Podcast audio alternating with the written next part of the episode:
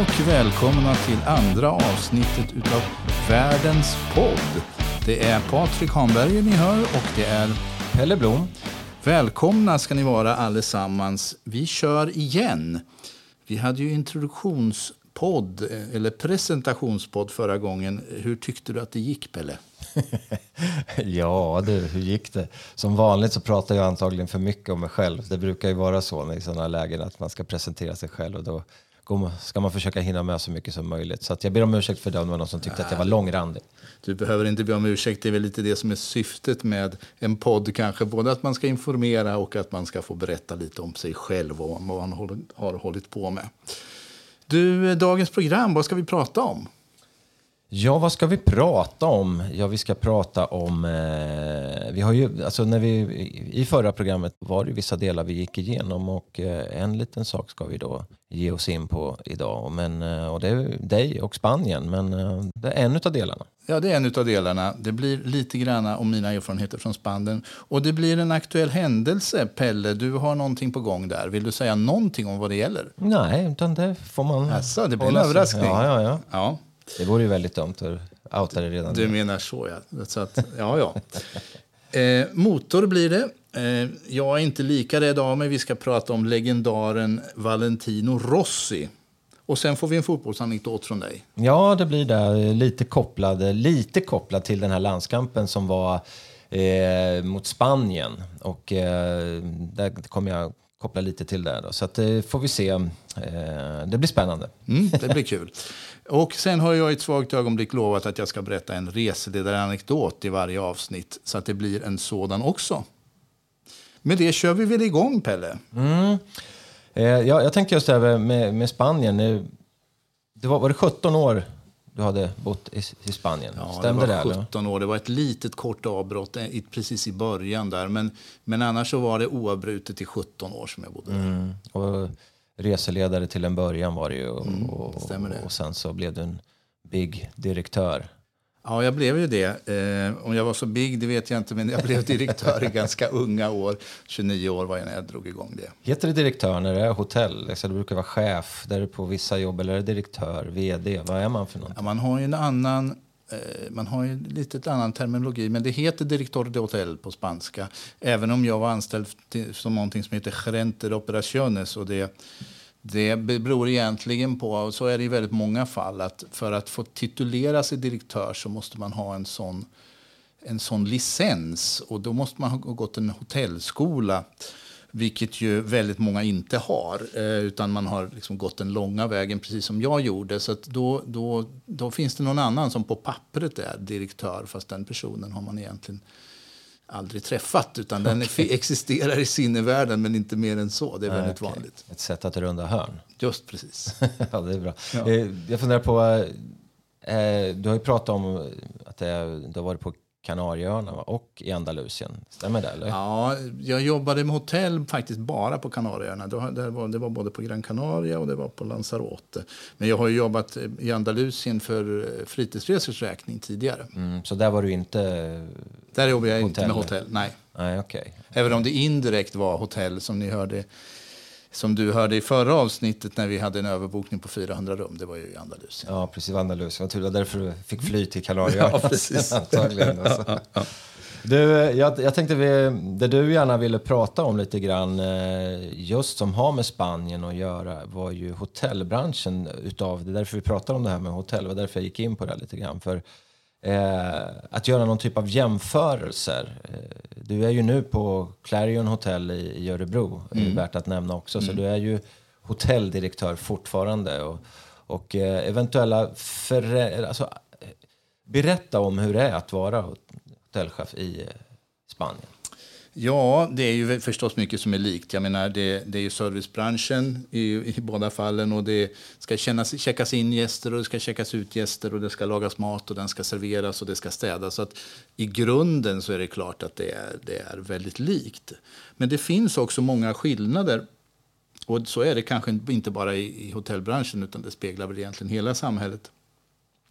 Och en av de största skillnaderna som jag upplevde när jag arbetade där det är inställningen till arbetet. Och nu låter det som det skulle vara någonting negativt, utan det, men det är snarare en, en positiv skillnad som jag ser där. Och det här som vi ofta hör om i Sverige eller överhuvudtaget utanför Spanien med manjana-mentalitet som vi brukar... Det, det, eh, som vi i många andra länder pratar om, det är ju faktiskt bara en myt skulle jag vilja säga. För mm. tvärtom så är det så att jag upplever att de allra flesta jobbar både längre och hårdare på dagarna än vad vi är vana vid från Sverige. Och eh, en vanlig sån, sån, sak som man ofta säger i Spanien det är att man vet när man börjar men man vet inte när man slutar på dagen. Okej. Så att det, det, och det är ju svårt att tänka sig att en, en sån inställning i Sverige. Så även om det kanske är så att det är ett mer ojämlikt samhälle och kanske kunskapsnivån alltid inte är jättehög så upplever jag att man alltid kan lita på folk. Och det, det är en sån inte med det sagt att man inte kan det i Sverige, men, men det, är, det är väldigt genomgående så att människor tar mycket ansvar. Vad kan det bero på? Då? Ja, vad kan det bero på? Eh, jag tror dels att det är så att det finns liksom mer traditionell pliktkänsla kvar, som lever kvar i samhället. Men jag tror också att det kan bero på att eh, det, det fortfarande finns en större... Alltså förhållandet mellan arbetsgivare och arbetstagare den eh, är annorlunda. Man, man står inte så nära med varandra. Så att det är ju många som, som känner sig nödgade tror jag att, eh, att jobba hårt. Och eh, ska man vara ärlig så den här relationen mellan arbetstagare och arbetsgivare är kanske inte alltid präglat av eh, total respekt. Eh, och eh, jag, kan, jag kan ta ett exempel där som, från ett, jag skulle tillträda som, på ett nytt jobb, på ett nytt hotell. Och då hade jag blivit varnad av min arbetsgivare för att eh, den fackliga representanten på det hotellet så, ansågs som mycket svår och besvärlig. Eh, det var en kvinna. Och när jag började där så tänkte jag det att ja, men jag får väl sätta mig ner och prata med henne. Så jag bjöd in henne på fika. Och så bestämde vi att vi skulle ses med jämna mellanrum. Och sen var det egentligen aldrig särskilt mycket problem. Och grunden till det här tror jag att det finns liksom en misstänksamhet emellan. Och det, överhuvudtaget så är det så där kan jag uppleva. Eh, och, eh, jag blev ju inte helt sällan varnad för att ja, du får inte vara för snäll som chef, för mm. att då blir du liksom uppkäkad. Men det, jag upplevde inte själv att jag var snäll, utan mer att jag inte var dum. Eh, och I början så möttes ju det där med lite misstänksamhet nästan. Att Folk trodde väl inte att eh, det, ah, han kan inte vara sån där. Han, är inte, alltså, han döljer någonting. Va? Vi kommer men, få en kniv i ryggen ja, längre precis, fram. Precis, va? Och, eh, men med tiden så insåg ju folk att det där var ju, han, var, han är ju sån. Och då, det blev till stor hjälp för mig med, med åren, måste jag säga. Va? Ehm, men, men det var ju min svenska bakgrund som gjorde att jag var sån. Jag hade liksom inte det där i mig att liksom folk ska hållas hårt och sättas åt. Va? Men det är klart att det var ju inte bara en dans på rosor. Eh, för att det, det, finns ju en hel del... Eh, för det, det, låter lite så nu, som att det var en dans på rosor, men det var det ju inte. Va? Alltså, till exempel, jag kan berätta lite sådana här saker som hände. Vi, på ett av hotellen där jag jobbade, det var på Lanzarote, det här, så hade vi personalbostäder på hotellet. Och, eh, och det här berodde ju på att det var väldigt ont om bostäder och vi hade ju ofta många tillresta från fastlandet som skulle arbeta. Och då var de ju tvungna att ha någonstans att bo. Men eh, vi, det som hände i de där personalbostäderna, det ville man ju helst inte veta. alltså vi hade ju mycket problem med, återkommande problem med droger och sånt. Uh -huh. Så att på samtidigt som det, det då var lätt att få kontakt med folk, tycker jag, så, så händer det också en del eh, obehagliga saker eh, som jag kanske inte eh, alls har varit med om i Sverige i, i lika, i lika mått. Men du, behåll den tanken om jag får avbryta ja. lite. Jag tänker just de här eh, skillnaderna i ledarskapet. Jag, mm. tänkte, för det, jag tycker det är lite intressant faktiskt. Mm. För att man, Sverige verkar ju bryta sig ur en hel del när det handlar om den här typen av chefskap och mm. ledarskap. Mm. Och oftast får, får ju svenska liksom det konsensussamhället. Att ja. det är ingen som egentligen bestämmer, det är ingen som tar det här slutgiltiga mm. beskedet. Det räcker ju att gå till Danmark eller Finland och kanske Norge också. Att där man eh, liksom tycker att eh, ja, men svenskar, de tar ju aldrig några beslut. Liksom. Men i mina öron låter det här ganska så bra. Liksom. Att för, för min del känns det lite som att man ger förtroende till dem, till dem man jobbar tillsammans mm. med. Faktiskt. Hur, hur tänker du på det? Liksom? Är, det är det så du tänkte? Liksom? Ja, alltså jag, jag, jag följde bara min egen, vad jag trodde var rätt, mm. kan man ju säga jag vet inte riktigt vilken strategi jag hade med det här utan bara att jag, jag var den jag är. Mm. Och eh, jag kan, kunde liksom inte med många gånger och göra som jag mer eller mindre blev tillsagd att jag skulle göra i förhållande till anställda. Utan det, det, det, det, jag försökte använda mitt sunda förnuft. Och sen vet inte jag hur det här hade gått i, i, andra sammanhang eller i längden. Det var ju för sig under ganska långa, långa perioder. Det sista eh, jobbet som jag hade som hotelldirektör det pågick under sex år. Så mm. det var ju inte ett kortsiktigt experiment om man säger så. Utan, blev du uppäten då? Alltså, jag blev ju ofta varnad för att jag skulle bli mm, det. Precis. Och jag hade ju vid ett par tillfällen problem med människor som inte kunde hantera det här mm. med att jag försökte bete mig som folk. Men i de allra, allra, allra flesta, flesta fallen så blev jag inte uppkäkad utan det blev snarare uppskattat. Det, det, så att, ehm, ja. Mm, ja, men spännande. Det jag vill bara, för jag vet att man ofta säger det där. Liksom, ja. och jag tycker det själv, men det, jag är ju svensk själv. Så att mm. man tycker att det där ger förtroende och faktiskt inte skälla och eh, vara den här auktoritära stilen. Mm. Att, eh, den eh, mm. tycker jag är ganska dålig egentligen. Och mm. Jag tror den borde vara dålig. Sen naturligtvis behöver man ju folk som tar ansvar. Eh, förstås. I så är det. Så det där är ju alltid en balansgång. Men jag kan ju, jag kan ju berätta att vi, vi, vi gjorde ju faktiskt en, en sorts experiment som inte föll så väl ut. Och det är att vi eh, det var ett spanskt bolag som jag jobbade för, men vi, vi hade ju mycket både svenska och norska gäster på det här hotellet och vi hade även en del engelsmän och tyskar. Så att, och emellanåt så var det svårt med personal och det var svårt med kvalificerad personal. Så att någon i företaget tog initiativ till att vi skulle rekrytera serveringspersonal och kockar från Sverige. Mm. För det trodde man skulle göra susen på för servicenivån och så vidare. Va? För annars var det ju så att alla som arbetade var ju eh, spansktalande utom en och annan i front, alltså i receptionen. Mm. Eh, så att vi, via någon typ av rekryteringsföretag så, så eh, skickades det ner då, jag tror det var sex serveringspersonal och eh, fyra kockar. Och det här började ju jättebra vi, det kändes liksom som att vi fick ett uppsving i, kanske mycket på grund av språkkunskap och så i förhållande till våra norska och, gäst, eh, norska och svenska och engelska gäster. Men det gick inte i längden överhuvudtaget. Så det, slutade, det började liksom med att det var en eller två som slutade och åkte hem. Och efter sex månader så var ingen av dem kvar. Vad var anledningen? Anledningen var i första hand att man inte orkade med att arbetsklimatet var tuffare. Ah, alltså okay. Det här jag pratade mm. om tidigare med, med, att man vet man börjar men man vet inte man slutar. Slutar när sista gästen har gått eller? Typ så. Ja. Så är det. Som det kanske var i Sverige för många år sedan. Mm. Ja, det är svårt när, det är svårt. när tiderna är glasklara som ja, man är ja. här hemma oftast. Ja.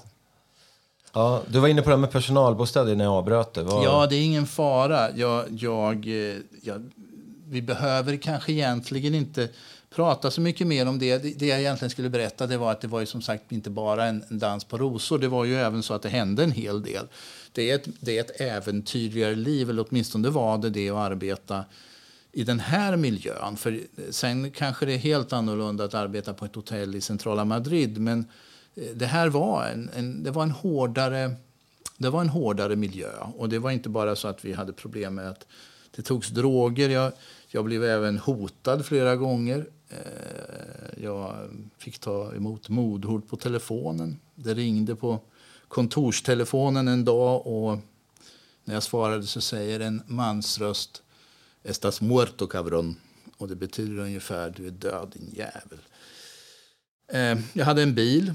Det var för övrigt en, en röd Jaguar. Jag var intresserad av engelska bilar redan på den tiden. Och den fick jag nerrepad när en, jag hade den parkerad utanför hotellet. Och jag hade ju mina misstankar om vem det kunde vara. Det, vi hade någon person där som vi hade tvingats säga upp ganska nyligen. Så jag polisanmälde det där förstås, både hotet på telefon och att bilen hade blivit förstörd. Och en bekant till mig, han var kommendante för Guardia Civil. Guardia Civil är ju det här civilgardet som är en halvmilitär polisorganisation. Mm. Vi hade barn i samma ålder så vi hade tillbringat mycket födelsedagskalas och sånt tillsammans. Mm. Födelsedagskalas i Spanien kan jag förresten berätta mer om någon annan gång. Det är en alldeles speciell tillställning kan jag tala om. Eh, så att, eh, jag vet inte om han på något sätt agerade på det här sen men eh, det upphörde i alla fall med tiden. Eh, mm. De här tråkigheterna. Men samtidigt så har jag fått några av mina bästa vänner bland folk som jag har jobbat med hotell i Spanien. Så allt är liksom mer åt alla håll. Mer incidenter och problem, men också mer kamratskap än jag kanske eh, upplever när jag arbetar i Sverige. Mm. Folk blir mer förbannade när de blir det, men de blir också mer glada när de blir det. eh, som en film av Fellini ungefär. Ja, men precis. Du, en grej jag tänker på när man, eh, med hotell och när man åker utomlands och sådär, det är alltid det här med eh, standard och sådana här saker.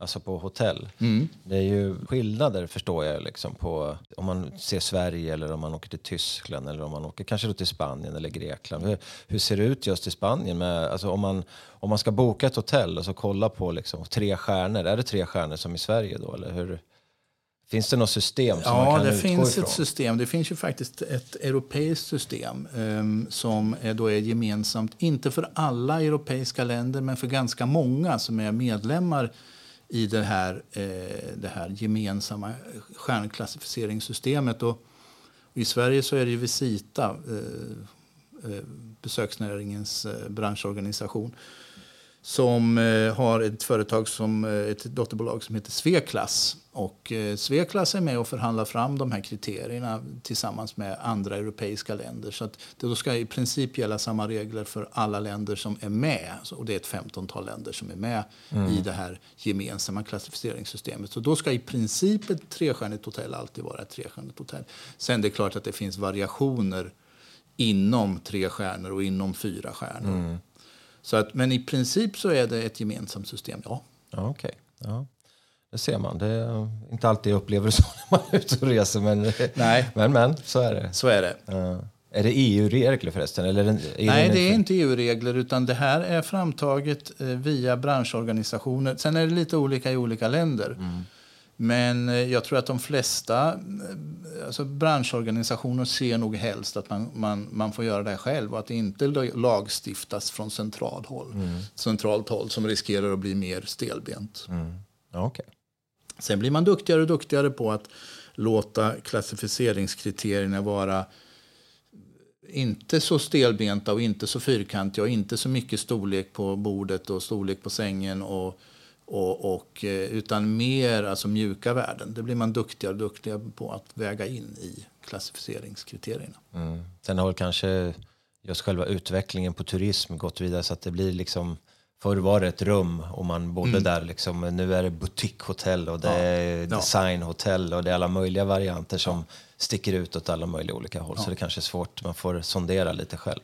Ja, sen utan att, att då ehm, eh, gräva för djupt i det här så många tror ju kanske att det, stjärnklassificeringssystemen är på väg bort på grund av att det sker så mycket klassificering på nätet på de här olika sajterna som finns. Mm. Eh, det känner väl alla till att man liksom får bedömning, bedömning av folk som har bott på de olika som Booking och Hotels.com och Expedia och de här olika. Men då ska man veta att det är inte alla sådana sajter som inte, som inte går att fuska med.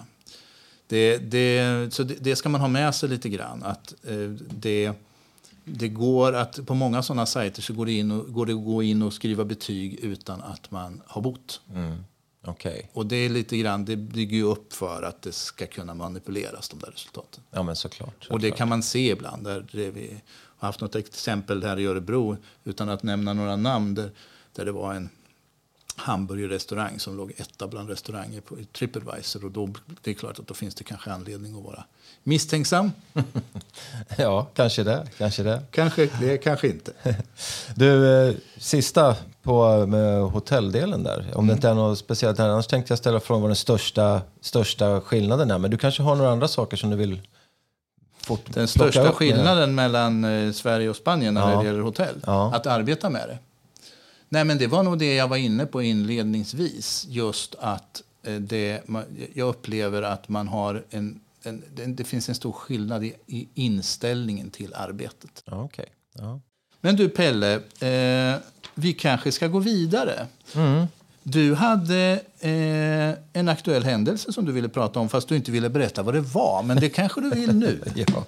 Eller händelse och händelse. Jag, grejen är den att jag stod på ett... Eh, eller jag gick på ett löpband häromdagen och då, samtidigt som jag gjorde det så lyssnade jag på söndagsintervjun i P1 med Martin Wiklin som jag tycker är duktig att göra de här intervjuerna. Och då var det fotbollsdomaren Jonas Eriksson som är Sveriges, ja han har ju slutat nu då men eh, han var ju under många år var med i VM och, och på Det är han som är nivå. drake också, är det inte så? Absolut, han är ju risk, riskkapitalist tror jag att man kallar honom för. Men han sitter ju i tv, Ja, eh, någon av kanalerna och är drake ja, precis och investerar. Och, och eh, är ju en företagare och sålde ett företag tror jag för många år sedan. Jag tror de sysslade med sporträttigheter och sålde det. Eh, och då fick han in rätt mycket pengar så han blev ekonomiskt oberoende. Så då kunde han äg- ägna sig åt domeriet för, liksom som, inte som hobby, för det var ju på hög nivå, men han, han hade väl en dröm om det om inte jag minns fel, att jag hört om detta. va? Ja, men absolut. Nej, men han, han är väldigt eh, vet du, tävlingsinriktad. Det pratar han om hela tiden i den här intervjun. Hur han liksom prestationsknarkare kallar han det för själv. Så han vill liksom absolut, absolut allra högst. Och, och mycket handlade om en besvikelse över att han inte fick eh, göra... Mm, han gjorde ju VM i Brasilien och sen var det vid nästa mest stora mästerskap som han försvann. Det vart där gick. Men, eh, men att han inte blev uttagen i alla fall där och hur det förstörde hans värld. Men det är inte riktigt det eh, som jag eh, vill prata om just med de bitarna. Men han var inne på mycket med en sak som jag själv som eh, inom fotbollens värld som är så underbar på många sätt och vis. Alltså fotbollen är ju fantastisk på väldigt många olika sätt. Men den har ju den här, eh, tyvärr, korruption, eh, eh, tystnadskultur. Mm, eh, Man, man, kan inte, man får inte säga vad man vill och man blir det är liksom godtyckligt. De starka länderna kanske kan hålla på och mygla och plocka ut sina egna kandidater. Alltså, det finns, och han pratade om hur det var, hur de tog ut domare med vikthets och, och flera olika saker. Och, och, eh, det Den här som- Colina, va, som man... eh, Ja, ja. han var den, utav den som, eller han var den som tog ut domarna och stod och tittade på när, när han gjorde de här...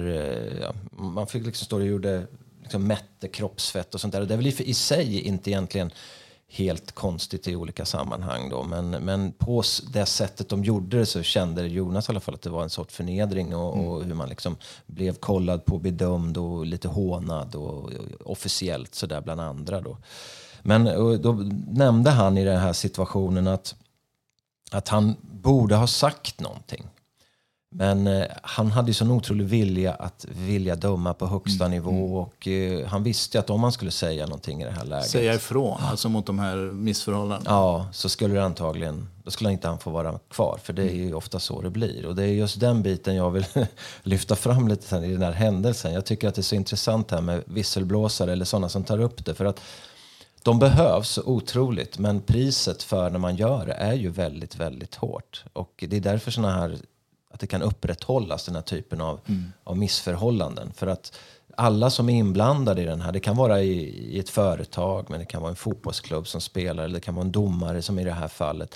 Man vill så gärna vara, vara med i det här, för man, man har en dröm att få finnas med. Och då blir det att man blir tyst oftast. Och, för, och om man inte blir det, så blir man straffad. Och, och, och det där är en så otrolig eh, jobbig situation tycker jag, liksom, rent generellt. Och därav eh, menar du vikten av att skydda visselblåsare. Ja men precis, det är lite där jag vill göra. Alltså, man skulle ju vilja att vi... det, det blir kanske fånigt att sitta och säga det, men det är ju så, vare sig det inom kommunen i, i Örebro eller vad det är, alltså, de som kommer fram, de blir straffade och sen kanske kommer någonting bra efteråt.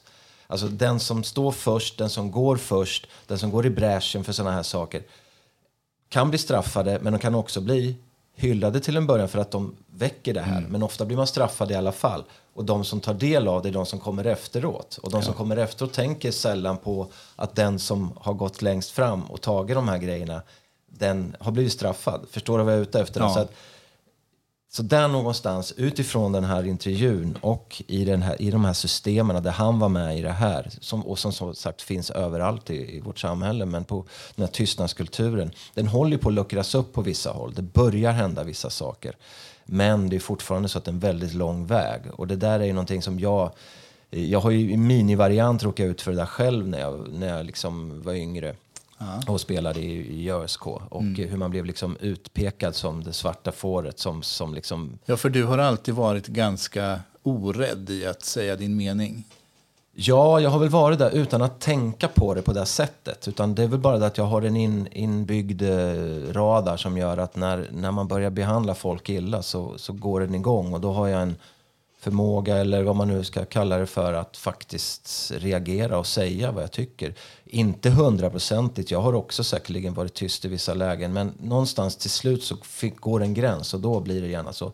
Men i och med att jag vet själv hur det är att bli utstraffad på det här sättet så så blir jag varje gång jag hör de här sakerna så blir jag otroligt irriterad. Och det här är någonting som vi måste bli sjukt mycket bättre på faktiskt. Att skydda de som går i bräschen för det här. Och det är det som är min poäng i den händelsen.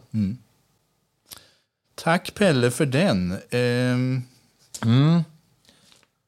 Och då går vi snabbt över till motor. Utan Ja, just helt det. annat. Något helt annat. Det är nästa på programmet. Jag hade ju, vi, har ju, vi har ju en eh, målsättning om att prata lite motor. Det kan, vi sa engelska bilar förra gången och det kan mycket väl bli engelska bilar också. Eller det kommer det att bli alldeles säkert eftersom det är ett av mina intressen. Men motorrelaterat eh, någonting varje gång.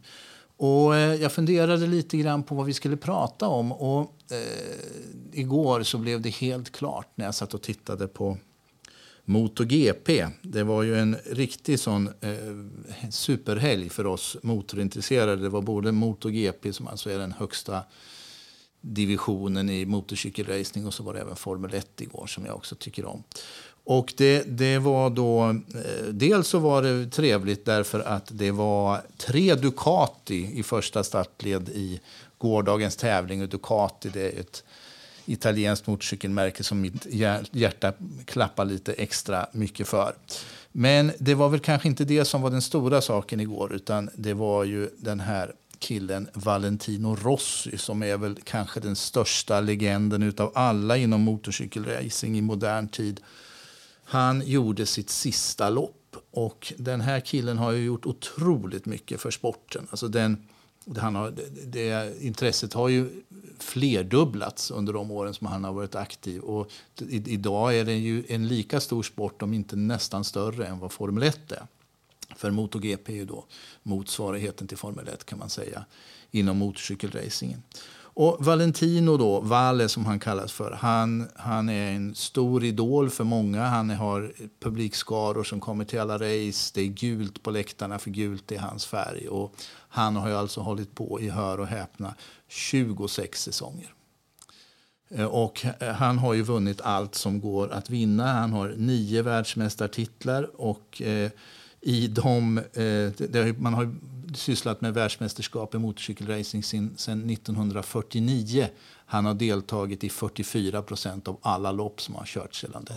Så det är ju någonting alldeles Det är legend det. är en legend det. Och jag menar, man får inte glömma bort att det är en högrisksport det här också. Eh, Så att de, han, han, är alltså, han, är, han är 42 år ung och han har ju kört oavbrutet sedan han var, sedan han var 16 år. Och han har, jag vet inte om jag sa det, men han har vunnit VM nio gånger. Och han har ju kört i alla klasser och det är väl mycket det som är hans storhet också. Han har kört i 125-klassen, 250, 500, 1000, 800. Han har kört på fyra märken, Aprilia, Ducati, Honda, Yamaha och han har ju liksom vunnit på allt. Så att den här, det här med att man inte kan lära gamla hundar sitta, det har ju på intet sätt eh, liksom hjälpt honom utan han har ju han har ju eh, kunnat liksom lära om till allting. Och det, det finns ju någonting stort i det. Och framförallt det allra största med honom det är väl hans personlighet. Han går omkring där på banan. Han är, han är tunn som en pinne. Han har blå ögon och blont, krulligt hår och han ser ju fortfarande ut som en liten pojk fast han är 42 år. Och så går han där och ler ständigt och vinkar till alla. Han är en sån härlig person. Och det var ju en otrolig stämning igår när han körde sitt sista lopp. Han fick dessutom komma tia som är en ganska bra eh, placering i ett, ett, lopp där det är många med som tävlar. Och eh, efter avslutat lopp så kom ju alltså alla andra. De, då, efter målgången så körde alla fram, alla andra deltagare körde direkt fram till honom. Ja, häftigt. Ja, så det är ju riktigt häftigt så. Ja, riktigt, riktigt coolt. Mm. Är, det, är det en fördel att vara liten? Man åker? Han är inte så kort, men han är ju lätt. Ah, och det, okay. Framförallt så måste man ju vara väldigt smidig. För det är ju otroligt akrobatiskt. De hänger mm. ju på cyklarna. Mm. Det går ju alltså i 340 km i timmen. Och de lägger ju, lägger ju ner i kurvorna så de nästan ligger ner. Känns som det, jag tänkte du sa Formel 1 som du är intresserad av också, men det känns som att det händer mycket mer i, i motorcykellopp än vad det Så är det ju. Och det är ju Även om det väl kanske har, har, inte har varit så farligt med svåra skador på senare år. Men det är ju mycket olyckor och mycket benbrott och sånt här. Va? Det här var ju en, en incident med just Rossi, det är väl bara något år sedan. När det var en annan förare som kraschade och, eh, i hög, hög fart, över 300 km i timmen. Så att hans motorcykel kommer wobblande genom luften och i nästa kurva så svänger ju Rossi. Mm. Och motorcykeln passerar flygandes i luften en meter ifrån honom eller någonting sånt. Så. ja, det är änglavakt. Det är änglavakt. Ja. ja. Jag, tycker, jag, jag är ingen motorkille, liksom. det är ju, jag kan ingenting om det. Men jag vet jag hade ju en period, när jag, det här året jag spelade fotboll i Kina, så på söndagarna när vi spelade matcher, för jag tror att det var söndagar då, bör ha varit det.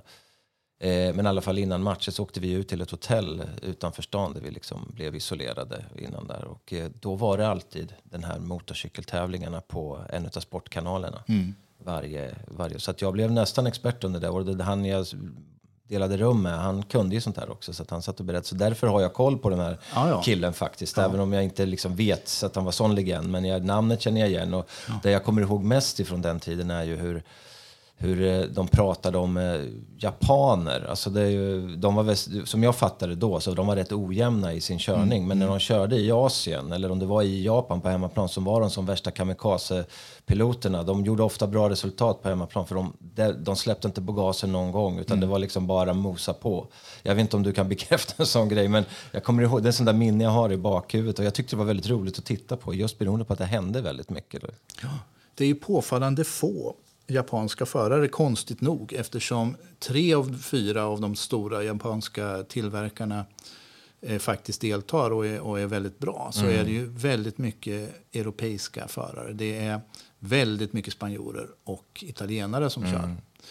Så att det är lite märkligt att det inte är fler japaner faktiskt. Det har ju varit en del japaner. Ja, för det här, nu pratar vi alltså 25 ja. år sedan nästan. Mm. Så att det är ju, de har väl ja. kört av banan då kanske om de körde som jag sa. Ja.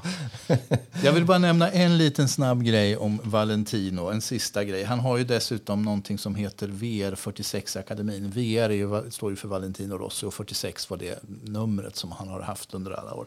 I den här VR46-akademin så, så ingår ju väldigt många av framtidens förare och många av dem som är på griden är bra idag. Mm. Och han startar ju alltså från nästa år ett VR46-team dessutom. Så vi kommer att få fortsätta att åtminstone i anden ha honom kvar i eh, sporten. Så det är jätteroligt. Halleluja. Halleluja. Skönt. Ja. ja, vi går vidare i programmet. Vi ska få någonting, en liten fotbollsanekdot från dig, Pelle. Ja, det har vi lovat i varje program att vi ska göra det. Och här vill jag koppla eh, den här händelsen lite. Det är ingen jättespektakulär händelse, men det är ändå en sån här sak som Eh, lite kul för naiva svenskar, i alla fall på den tiden när eh, som jag ska plocka upp här. Men det var nu svenska landslaget nu skulle möta Spanien mm. i eh, avgörande matchen här i Sevilla. Så eh, läste jag någonstans att när de kom till arenan så fick de bara träna på ena planhalvan och för den andra var sliten och sådär. Och att det fanns en viss irritation ifrån mm förbundskapten Jan Andersson där. Och nu tror inte jag att det skapar några stora problem i det här fallet då, men det, det, då fick jag liksom en sån här eh, tillbaka tanke liksom när, man, eh, när jag spelade IFK Norrköping 1992 så spelade vi Uefa-cupen mot italienska Torino. Mm. Och eh, på hemmamatchen så vann vi med 1-0 och eh, åkte ner till Turin och skulle spela där. Och bodde på hotell som man gör och så skulle vi träna dagen innan. Och, och eh, vi hoppade på den här bussen och skulle ta oss till träningsarenan. Och det kändes som vi aldrig kom fram. Vi stod fast i trafik hur länge som helst. Det kändes som vi säkerligen satt tre timmar i den där och så stort är inte Turin. Så man, men man reflekterar inte så mycket med det. Sen kom vi fram till träningsanläggningen. Och eh, allting lös och det såg jättebra ut mm. och det var en gräsplan som låg där fin och väntade på oss och sådär. Och vi hoppade ur och började snöra på. Och, jag och sen, anar. Ja, du anar. anar. Så anar. plötsligt så började ljuset blev ju kom, alltså, det gick ner på hälften, någonting ja. sånt där liksom. Så att eh, det blev skumt. Så att, eh, men eh, vi skett väl i det liksom. Vi fortsatte, vi började träna liksom ja. och röra på oss. Jag kommer inte ihåg vad vi gjorde. Vi gjorde inte så mycket, det handlade mer om att röra på sig, lite enkla spelövningar och sådär. Men hur som helst så eh, när de såg att vi ändå fortsatte så släckte de ju ner mer eller mindre ja. allting. Då, så, att, så det blev nästan kolsvart liksom. Och, och eh, vi fortsatte väl ändå springa lite grann och ta ja. den här träningen ändå. Och eh, sen så till slut så, ja, ja vi är klara, vi är nöjda liksom. Ja. Så vi hoppar in i bussen. Men det var ju en irritation. Vi, vi hade ju folk som sprang till vaktmästarna och skällde ja. och fokuserade på det, liksom blev förbannade och så. Det, kanske inte så mycket vi spelare, men ledarna var ju inte jätteglada. Nej. Eh, och sen hoppade vi in i bussen igen och så drog vi därifrån och så hann vi liksom inte många meter utanför själva anläggningen. Så klick, klick så var det ju löst på hela, på hela fotbollsplanen igen. Och naturligtvis handlar det här om att psyka. Och, ja. och resan tillbaka till hotellet, förvisso lite senare, kanske inte i eh, rusningstrafik, men det gick väl typ, det kändes som att det gick på 20 minuter. Mm. Så hela det här handlar ju naturligtvis om att störa oss så mycket ja. som möjligt och, och, och liksom psyka. Så att vi liksom inte, Förstod ni det medan det pågick eller insåg ni det först efteråt? Jag tror nog att vi, jag kommer inte ihåg exakt, men jag tror nog att vi vi var ju relativt rutinerade. Jag menar, vi hade ju landslagsspelare i laget och sådär som hade varit med. Och de hade spelat internationella kupper tidigare. Jag hade också varit men jag hade inte varit med om det tidigare. Men jag hade ändå spelat internationellt. Sådär, mm. så. Men, eh, så jag tror inte vi blev jätteöverraskade. Och vi blev, alltså det störde egentligen inte oss speciellt jättemycket bortsett från den där resan till arenan. Mm. För att sitta så lång, länge i bussen är inte sådär jättebra dagen innan man ska spela match. Men eh, det är lite kul just det där fulspelet som faktiskt kan hända och att det var just Italien, om jag nu, ursäkta nu om jag har fördomar ni som lyssnar, men det, där är de ju jag, vet inte, jag tror Sven-Göran Eriksson har pratat eh, för många år sedan, det här uttrycket furbo, tror jag det heter. Det är liksom en sån gråzonsvariant. Liksom. Det, mm. Ingenting är åt det ena eller andra hållet. Man kan alltid hålla på fibbla lite med saker och ting. Ja. Det är okej okay, liksom, Så det här var väl okej okay för dem. Och de vann ju med 3-0 senare också. Så det, det var väl väl betalt. ja, det är eh, kanske fullt av sånt. Eh, har du varit med om något liknande i allsvenskan? Nej, du vet, Sverige vi är alldeles för, för välpolerade. Apropå vad du pratade om tidigare med arbete och sådana här ja. saker också. Det är tider och det här handlar om en sorts respekt för motståndare.